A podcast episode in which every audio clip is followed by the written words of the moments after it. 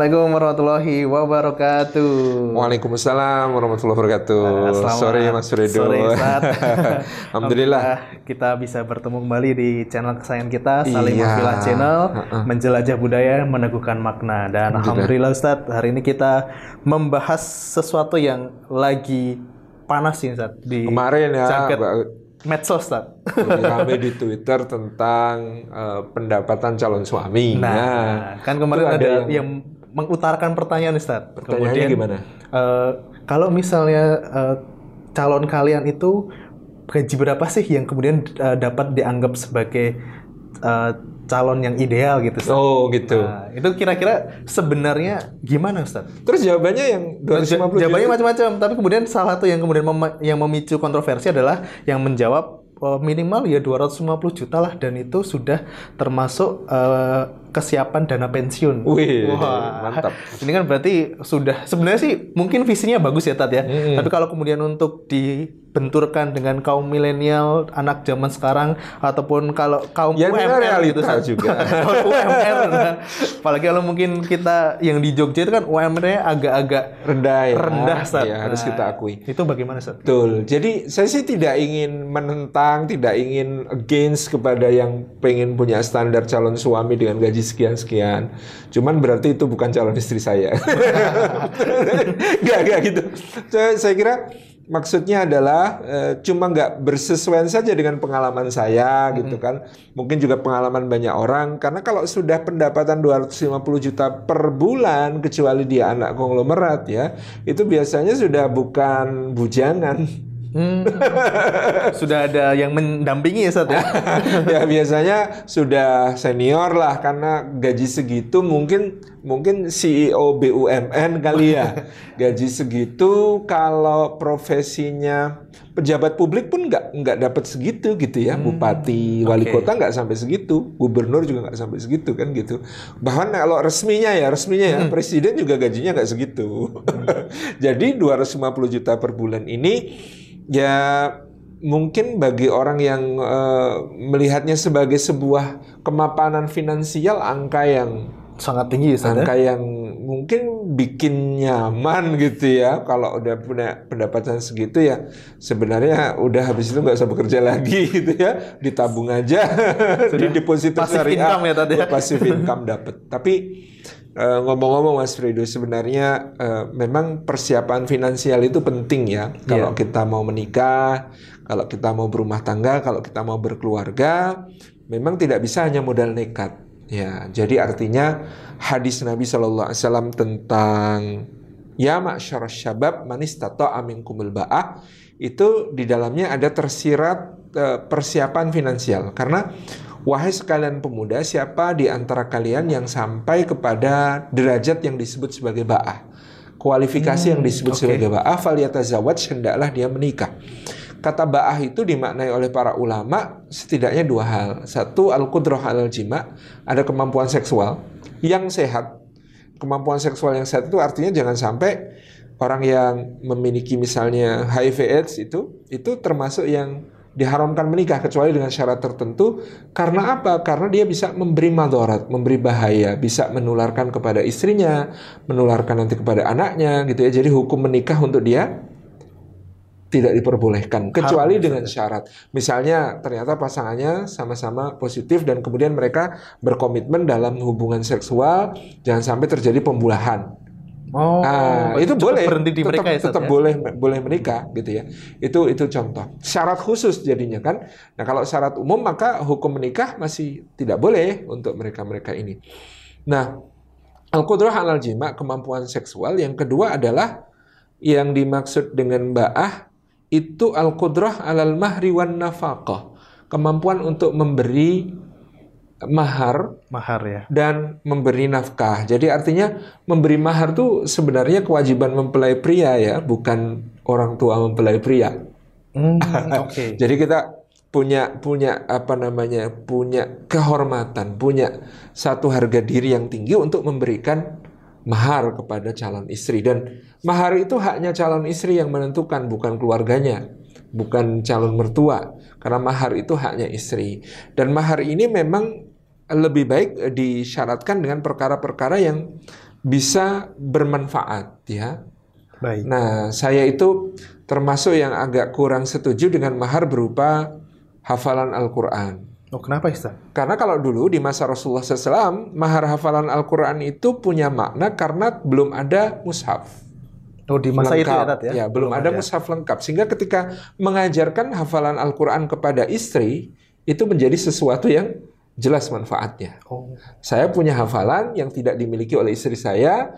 Dalam masa itu tidak bisa beli mushaf, nggak ada yang tercetak, nggak ada yang tertulis full gitu ya. Kemudian saya memberikan mahar berupa uh, hafalan Al-Quran saya untuk kemudian dihafalkan juga oleh istri. Itu memberi manfaat. Tapi sekarang nilai manfaatnya menjadi kurang relevan. Meskipun saya tetap menghargai yang kemudian memberikan itu sebagai pelengkap dan diniatkan untuk mengikuti sunnah para sahabat radhiyallahu anhu. Tentu dengan disertai misalnya dengan uh, seperangkat alat sholat gitu ya. Ya, sebagai pelengkap ya. Ya, karena itu kan ada amal jariahnya ya kalau seperangkat alat sholat itu kenapa orang Indonesia memilih seperangkat alat sholat itu karena dimaksudkan ini tiap istrinya sholat suaminya dapat pahala gitu. Jadi tiap istrinya sholat suami dapat pahala. Bagus lagi seperangkat alat sholat sekalian masjidnya ya. Tempat sholatnya Tat, ya. itu seperangkat alat sholat itu. Nah, di situ tersirat ya mahruan nafkah dan kemampuan beri nafkah berarti memang harus ada persiapan finansial meskipun tuntutan pada persiapan finansial itu menurut saya tidak apa namanya tidak dipatok ya. pada angka-angka tertentu tetapi dia uh, lebih pada bagaimana kemudian seorang lelaki punya komitmen untuk mandiri punya komitmen untuk mampu bekerja kemudian menghasilkan uh, apa namanya nafkah ya karena jalan rizki Allah itu di, di, di apa janjikan di antaranya dibuka melalui pernikahan. Masya Allah. Ya, di, dibuka melalui pernikahan. Jadi nggak harus istilahnya nggak harus berpenghasilan tetap gitu ya, tapi tetap berpenghasilan. Nah, itu itu itu Boleh, salah Tat, ya? satu excuse-nya orang-orang kayak saya. Dulu waktu waktu menikah penghasilannya tidak tetap, tapi insya Allah saya tetap bekerja dan tetap berpenghasilan. Itu satu satu semangat fight yang kemudian dimiliki oleh seorang suami. Memang betapapun yang namanya menikah itu kenapa disebut membuka pintu rezeki ya. Begitu menikah itu rasa tanggung jawab itu muncul. Kita bujangan tuh apa namanya ya ya ya bebas-bebas saja kan ngapain mau ngapain duit-duit gue sendiri apa Nggak gue ada tanggung jawab ya, iya. ya. Tapi begitu menikah motivasi utamanya adalah tanggung jawab di hadapan Allah, tanggung jawab kepada mertua ya yang sudah kita ambil anak perempuannya untuk menjadi Dan tanggung tanggung jawab kita, ya, tanggung ya. jawab kepada istri, tanggung jawab kepada anak itu itu motivasi yang sangat kuat. Ya ingat wajah istri, ingat wajah anak itu kan gimana kemudian itu menjadi memicu Giat, semangat, semangat. bekerja, giat, mengerahkan segala kemampuan untuk kreatif dan lain sebagainya. Itu itu bisa menjadi satu kekuatan yang luar biasa. Nah, eh, untuk teman-teman yang tadi 250 juta sih saya nggak mau bahas dalam-dalam soal eh, masa sih segitu harusnya gitu ya. Saya kira berapapun ya kalau diberkahi Allah itu bisa menjadi kekuatan eh, yang sangat eh, luar biasa dalam kehidupan berkeluarga. Artinya eh, yang lebih penting ya kan kita orientasi ketika menikah itu berkah ya. Ya. Dan berkah itu soal rezeki berkah itu sesuatu yang memang mahal. Kadang-kadang orang yang punya gaji 250 juta belum tentu dari 250 jutanya itu ada yang berkah. Hmm, menarik. Nanti ada yang kemungkinan eh, hanya UMP di Jogja. UMP di Jogja berapa sih sekarang? Dua juta sepuluh apa dua juta seratus gitu sekitar. Nah, misalnya 2 juta 500 ribu lah dapat gitu ya di dibayarin di Jogja. Tapi kalau semuanya berkah, ah, masya Allah gitu kan. Yang namanya berkah itu ya sedikitnya mencukupi, banyaknya memberi manfaat luas. Itu selalu begitu gitu ya. Jadi artinya teman-teman juga mungkin sudah sering saya bahas di kajian-kajian ya yang namanya gaji. Ada orang gajinya besar, ternyata rezekinya kecil. Wah ini. Ada orang yang gajinya kecil, ternyata rezekinya juga kecil. ya, tapi ada orang yang kemudian eh, rezekinya besar karena keberkahan ya. Rezekinya besar itu karena keberkahan. Eh, saya pernah naik pesawat itu ya, cerita yang sangat eh, sering saya ulang-ulang. Naik pesawat bareng seorang yang gajinya 200 juta per bulan, tetapi ternyata ya itu tahun 2008 loh. Kalau dikonversi sekarang mungkin 12 ya tahun lalu, ya itu itu kalau dikonversi sekarang mungkin 200 Ya, tiga ratusan. 300 lah, 300 juta per bulan. Itu makan asin sudah nggak boleh, makan manis sudah nggak boleh, makan eh, kacang sudah nggak boleh ya karena gangguan-gangguan kesehatan. Jadi apakah 200 juta waktu itu ya, yang kemudian beliau terima sebagai gaji setiap bulan itu semuanya rezeki beliau. Enggak. Yang menjadi rezeki beliau itu rezeki itu apa sih ya yang dinikmati, yang keluar masuk menjadi sebuah hal yang kemudian uh, menopang kehidupan kita di dunia itu namanya rezeki. Gitu. Berarti nggak selalu soal uang dan materi ya, Seth ya? Allah tuh bagi rezeki itu adil, Mas Firdo. Mm -hmm. Artinya ada orang yang gajinya besar dikasih rezeki, ada orang yang gajinya kecil dikasih rezeki. Kadang-kadang yang dimakan bedanya apa sih? Sama kok satu piring. Iya sih ya makanan ya. Gitu Cuman beda wujud kadang-kadang ya beda wujud. Soal rasa, nah soal rasa itu jadi relatif sekali. Uh, artinya begini, kita bisa beli makanan yang mahal, racikan chef terkenal, ya. Kalau mau makan harus di restoran yang uh, Michelin bintang tiga, uh, Michelin bintang tiga mahal gitu ya. Harus reservasi jauh-jauh hari gitu.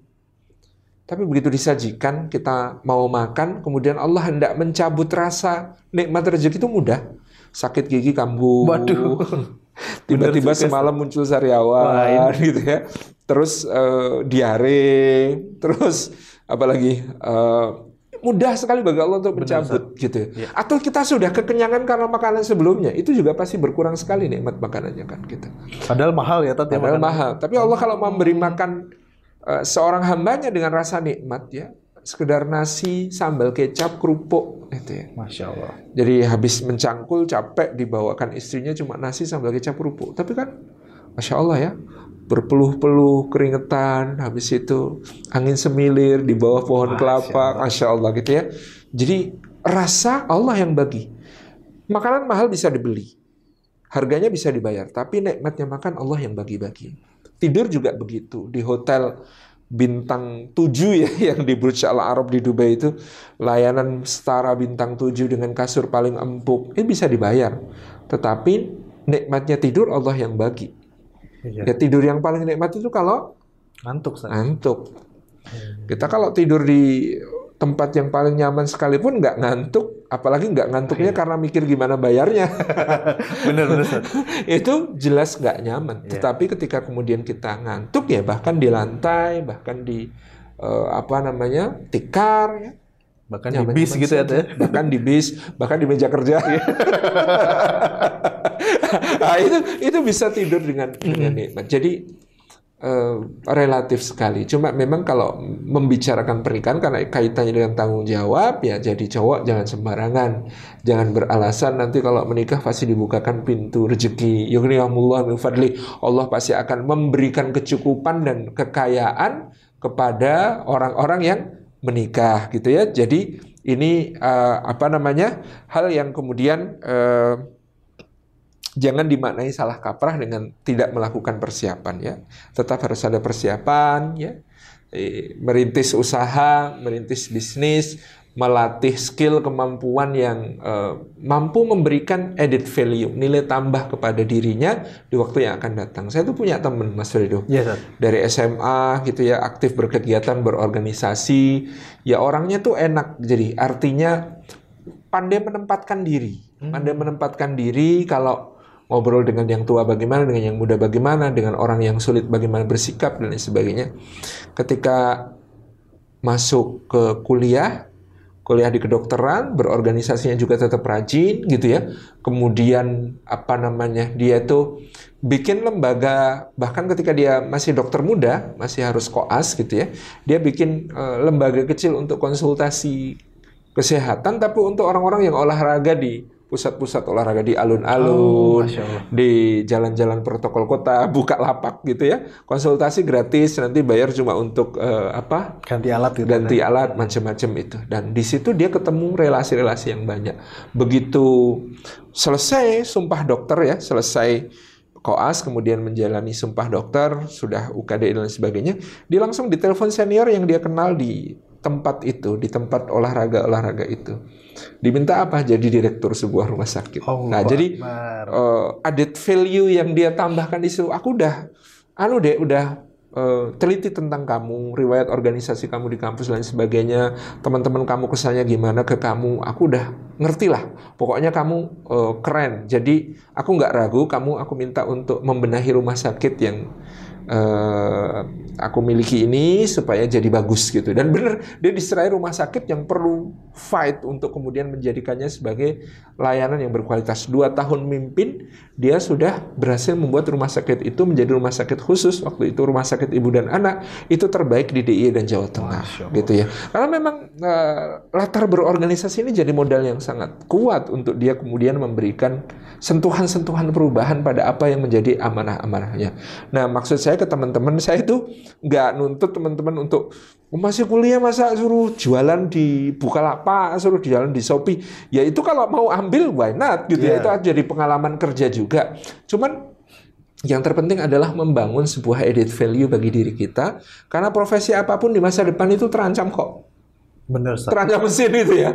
Anda mau kuliah jurusan apa pun, bentar lagi itu ada mesin yang bisa nyaingin skill dan pengetahuan Anda dan yeah. itu sangat sangat sangat dekat dengan kita ya. Jadi apa namanya? Uh, yang terpenting buat eh, teman-teman uh, itu senantiasa jadi ada persiapan-persiapan dan apalagi lapangan kerja ke depan semakin tidak menentu, semakin susah. Jadi kita perlu uh, spesialis ya kita bisa mengambil ya? bidang spesialisasi kita, tapi kita punya added value yang buat kita juga berwawasan luas dan ya istilahnya ini kan era disruptif ya begitu banyak pekerjaan-pekerjaan yang hilang di telan perubahan-perubahan teknologi.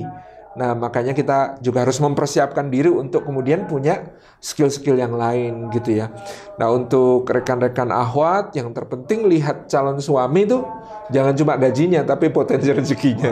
ini penting itu. Ada potensi rezeki itu dilihat dari mana? Ya dari kesalihan. Wong yang memiliki rezeki itu Allah kok. Iya. Iya kan? Ya berarti orang yang saleh, orang yang dekat sama Allah itu potensi rezekinya besar. Dan rezeki itu soal soal rezeki kan sudah dijamin ya Sat ya. Dijamin. Jadi tidak perlu dikhawatirkan. Sebenarnya sebenarnya tidak perlu dikhawatirkan, cuman karena manusia itu suka berhitung dengan angka-angka gitu ya, nah, hitungnya ini. matematika itu yang bikin rumit gitu ya. Jadi apa sih yang uh, sering saya sampaikan itu ya?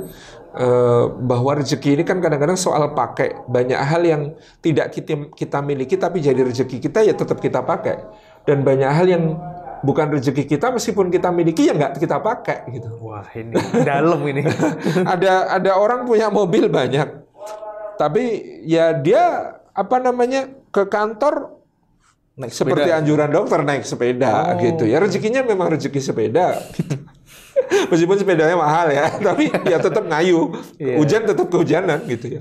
Tapi ada teman saya seorang ustadz yang saya ceritakan itu di sebuah perumahan perumahan dibangun, dia dijadikan marbot di situ karena terkenal kebaikannya di kampung itu sehingga tokoh-tokoh masyarakat mengatakan kalau mau marbot ya orang ini gitu ya. Jadi itu kan rezeki juga gitu ya. Walaupun nggak punya ya Sat ya. Nggak punya, tapi kemudian ternyata para pemilih apa namanya mobil di perumahan itu rebutan untuk meminjamkan mobilnya ke beliau karena kalau dipakai oleh beliau jadinya katanya jadi jadi berkah banget gitu, jadi nyaman banget dan lain sebagainya. Jadi uh, kita itu konsepnya ya uh, bekerja itu ibadah. Masya Allah. Ya, pertama bekerja itu ibadah, ya maknanya kalau kita bekerja kita niatkan karena Allah Subhanahu wa taala. Loh gimana saat niatnya mencari rezeki? Nah, masalahnya rezeki itu sudah dijamin. Wa min dabbatin fil ardi Allahi rizquha. Rezeki itu dijamin Allah, semua yang melata di atas bumi dapat rezeki. Yang kedua, kalau rezeki sudah dijamin, apa yang belum dijamin? Masuk surganya, akhiratnya. Maka uh, am hasibtum an tadkhulul jannah, apakah kalian mengira bakalan masuk surga? Belum dijamin. Maka niatkan saja kerja kita untuk untuk surga. Ya. Nah, sesudah itu, setelah kita niatkan bekerja ini untuk ibadah, niatkan kedua untuk bersyukur kepada Allah. Kita mungkin nggak usah bekerja. Ada ya yang nggak usah bekerja tapi dapat penghasilan. Contoh warisan. Punya kos-kosan 50 pintu. Nggak usah bekerja ya. Kan nggak usah bekerja ya. Punya rumah kontrakan 20 unit. Masya Allah. itu itu kan sebenarnya nggak usah bekerja, tapi bekerja itu kehormatan. Ya mal'ala Daud syukran wa qalilan min ibadiy syakur. Bekerjalah hai keluarga Daud untuk bersyukur dan sedikit sekali hambaku yang pada bersyukur. Nabi Daud tuh nggak usah bekerja cukup raja kok. Sudah kaya ya Ustaz ya. Kaya raya kerajaannya kaya raya. Tapi dia diperintahkan bekerja oleh Allah, maka dia bekerja ya, menempa besi Pandai untuk besi, ya. dijadikan ya? sebagai baju zirah dan itu beliau untuk menafkahi keluarganya dari hasil kerjanya. Biar berkah gitu kan. Jadi yang kedua uh, bekerja untuk bersyukur Allah mengaruniakan kita akal pikiran, mengaruniakan kita tangan, mengaruniakan kaki, anggota badan bekerja. Yang ketiga, bekerja itu dengan niat untuk menjadi jalan rezeki bagi banyak orang. Kita diam saja mungkin sudah cukup, tetapi kalau kita bekerja, kita mendapatkan uh, Membuka peluang ya, untuk uh, beramal lebih banyak, berbagi lebih banyak, uh, memberikan manfaat yang lebih banyak kepada orang lain. Jadi saya ingin menutup ya uh, penyemangat untuk teman-teman yang jomblo, bagaimanapun juga, bagaimanapun juga kita menuju pernikahan perlu persiapan, tetapi jelas persiapannya adalah uh, bagaimana kita uh, senantiasa bersandarnya kepada Allah, ya, bekerjanya karena Allah, diniatkan ibadah, diniatkan bersyukur, diniatkan berbagi nikmat kepada sesama itu yang paling berkah. Em, ada seorang eh, namanya Ma'ruf Al-Karhi rahimahullah taala seorang ulama besar nanti pada zamannya tapi waktu itu dia masih jadi murid dari eh, Al-Imam Ibrahim bin Adham. Jadi satu hari Ma'ruf ini tergopoh-gopoh datang menemui gurunya. Guru, saya sekarang sudah tahu rahasianya. Apa itu? Jadi Allah itu memang menjamin rizki. Kita nggak usah bekerja. Kalau memang sudah rizki kita pasti akan datang. Gitu. Oh, Waduh, kamu dapat kesimpulan dari mana kata gurunya? Oh, tadi saya di sini waktu perjalanan ke sini ketemu seekor burung yang sayapnya patah. Hmm. Dia cuma bisa terbaring, nggak ngapa-ngapain di situ. Saya pikir dia akan segera mati, guru. Tapi ternyata kalau memang sudah rezeki, ya Allah itu ternyata mengirim seekor burung lain yang sehat, bawain makanan kemudian disuapkan ke burung itu. Lalu burung itu pergi lagi. Eh sorenya datang lagi. Eh paginya datang lagi. Terus begitu bawain makanan. Nah, kalau begitu kan saya kayak burung itu nggak usah bekerja pasti dapat apa namanya Rezeki, rezeki. Kata gurunya, lah kok kamu cita-citamu lucu. Cita-citamu kok jadi burung yang sayapnya patah. Mbok cita-citamu itu jadi burung yang sayapnya utuh sehingga bisa bantu burung yang sayapnya patah. Masya Nah, Allah. itu baru cita-cita yang benar kan gitu. Cita-citanya adalah menjadi burung yang sayapnya utuh untuk bisa Membantu, kemudian ya. membantu burung yang sayapnya patah. Itulah tugas keambaan kita di dunia. Jadi kita sudah maghrib, Mas Suridu. Allah. Tapi ini memang pembahasan yang seru sebenarnya. Iya, Ya gitu. insya Allah mungkin kita di Sambung waktu Iya, lain ya. Kita sambil lagi. kulineran ngomongin rezeki enak juga gitu. ini masih banyak banget sebenarnya pertanyaan yang belum disampaikan Iya, karena iya. tadi soal rezeki ini banyak banget hal yang bisa kita peroleh tapi satu hal yang mungkin bisa kita ambil garis besar bahwa rezeki ini sudah dijamin. Yang belum dijamin adalah gimana kita itu masuk surga atau enggak. Nah itu. Jadi kita berjuang mencari rezeki itu niatkan untuk surga supaya surganya dapat rezekinya juga pasti akan datang gitu ya. Jadi kalau eh, kita niatkan untuk akhirat, insya Allah dunia dalam jaminan Allah Subhanahu Wa Taala. Baik, gitu. terima kasih Ustadz. Jazakumullah khairan. Siap. Baik teman-teman semuanya, sebenarnya waktunya itu Kurang banget, Kurang ini banget ya. ini ya. Tapi kita karena- lagi memang mepet-mepet hari ini sibuk banget ya. Allah. Baik teman-teman semuanya, jangan lupa untuk kemudian tetap berada di channel kesayangan kita. Jangan lupa untuk like, komen, kemudian share ke grup-grup WhatsApp ataupun ke medsos teman-teman semuanya untuk kemudian subscribe channel dari Salimah Filah. Pokoknya terus kita menjelajah budaya, meneguhkan makna. Jazakumullah khairan Ustaz. kita pamit ya. Kita pamit dulu. Terima kasih. Assalamualaikum warahmatullahi wabarakatuh.